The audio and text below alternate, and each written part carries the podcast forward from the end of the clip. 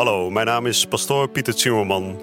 En dit is Credo, de dagelijkse podcast van Radio Maria over de catechismus van de Katholieke Kerk. Samen dringen we elke dag een beetje dieper door in het prachtige plan van liefde dat God met elk van ons heeft. Laat je inspireren en ga met ons mee op deze avontuurlijke reis door het geloof.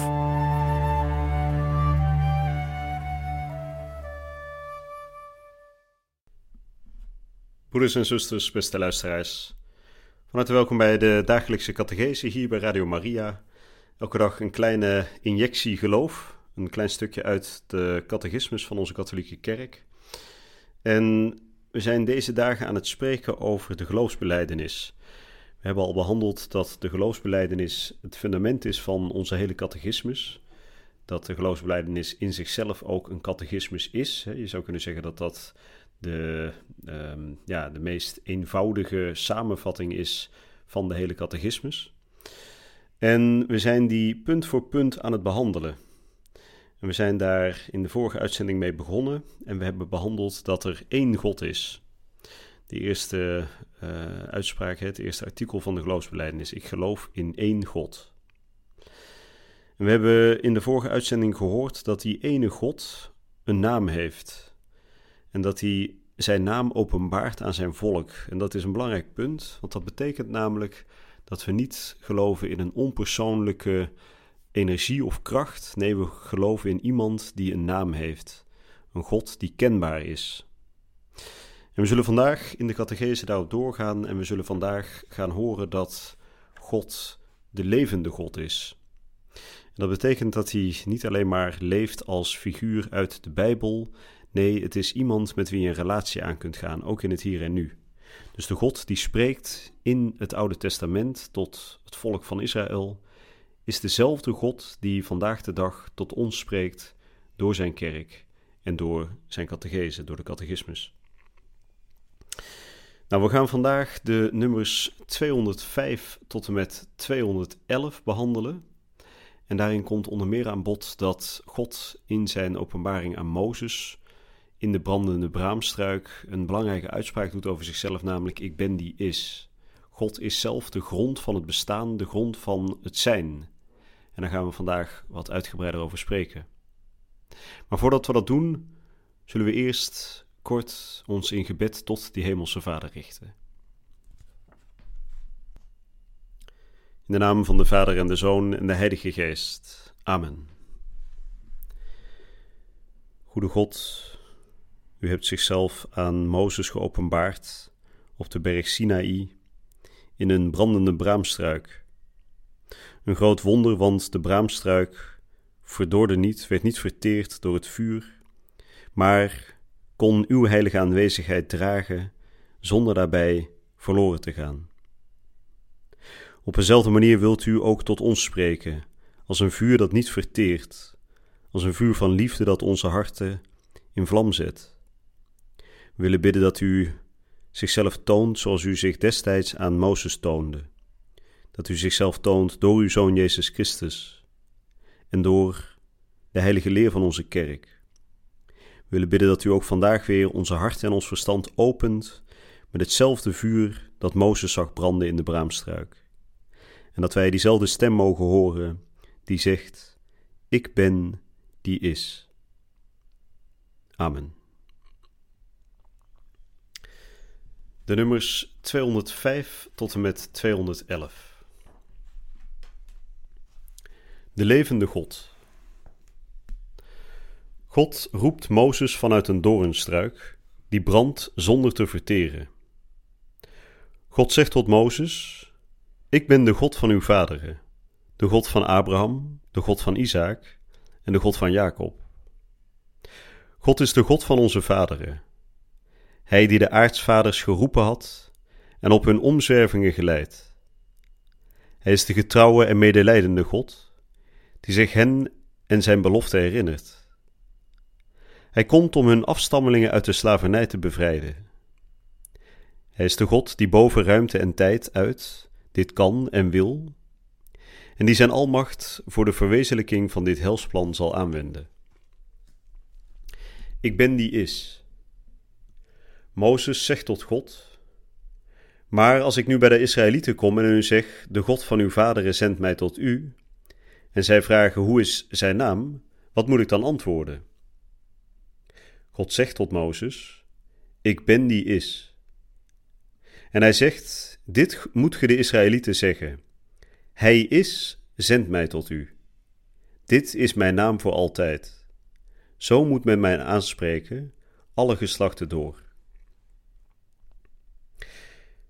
Door zijn mysterieuze naam JHWH, ik ben die is, of ik ben die ben, of ik ben die ik ben, te openbaren zegt God wie hij is en hoe men hem moet noemen.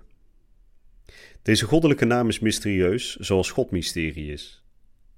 Het is zowel het openbaren van een naam als het afwijzen ervan, en juist daardoor brengt dit God, zoals hij is, het beste tot uitdrukking. Oneindig verheven boven al wat wij kunnen begrijpen of zeggen. Hij is de verborgen God. Zijn naam is onuitsprekelijk, en hij is de God die de mens nabij komt.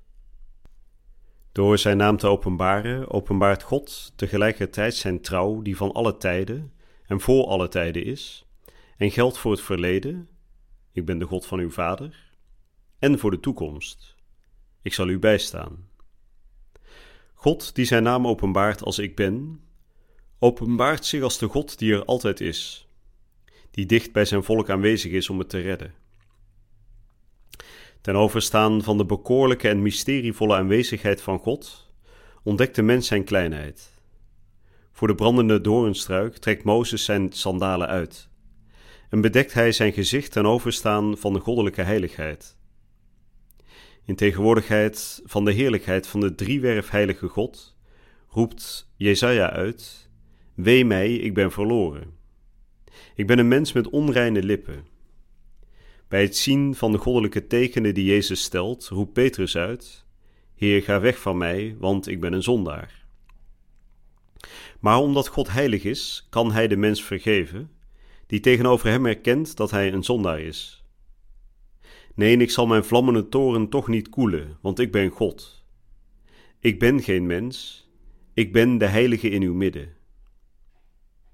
De apostel Johannes zal eveneens zeggen: Dan mogen wij ook voor zijn aanschijn ons geweten geruststellen, ook als het ons veroordeelt, want God is groter dan ons hart en hij weet alles.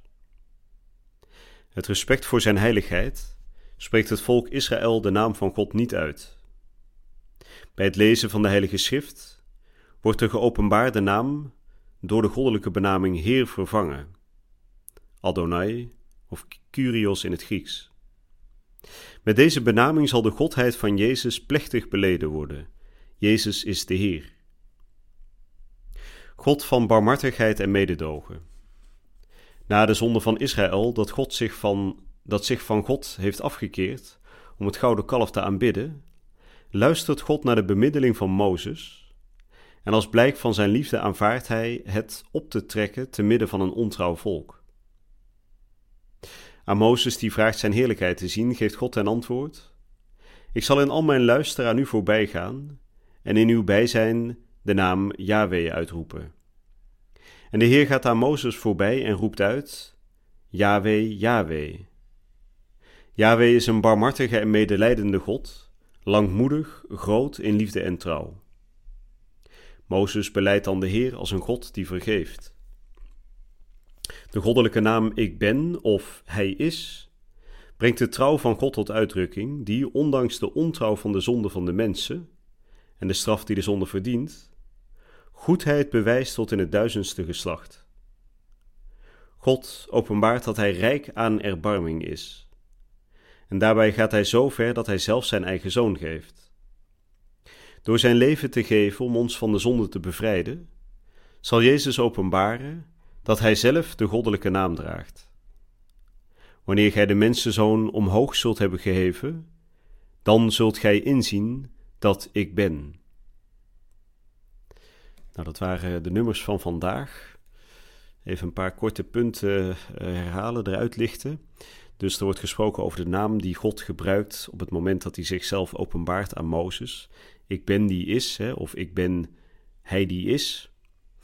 En dat wordt afgekort met de vier letters JHWH. En zoals er net werd genoemd, werd die door de Joden niet uitgesproken, die godsnaam. Dus die werd dan vervangen door het woord Heer, Adonai of Kyrios.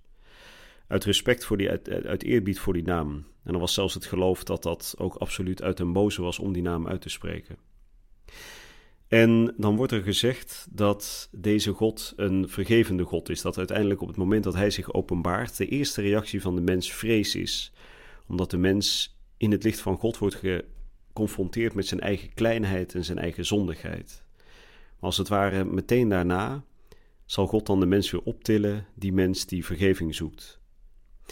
En dan sluit de catechismus vandaag af met te zeggen dat uiteindelijk die godsnaam, hè, dat ik ben die is, dat dat zijn voltooiing zal vinden bij de komst van Jezus Christus naar de aarde, waarin de nog mysterieuze God echt een naam krijgt in de Zoon Jezus Christus. En Jezus doet dan ook vaker de uitspraak: Ik ben. dan wordt er geciteerd: Dan zult gij inzien dat ik ben. En met die woordencombinatie ik ben verwijst hij dus naar die openbaring uit het Oude Testament, die goddelijke openbaring van de naam van God. Nou, daar zullen we het voor vandaag weer even bij laten. Bij de volgende uitzending zullen we hierop doorgaan en dan gaan we dieper doordringen in wat het precies betekent dat God zegt dat Hij degene is die is. Ik ben die is. Ik hoop u bij de volgende uitzending weer hier te ontmoeten bij Radio Maria.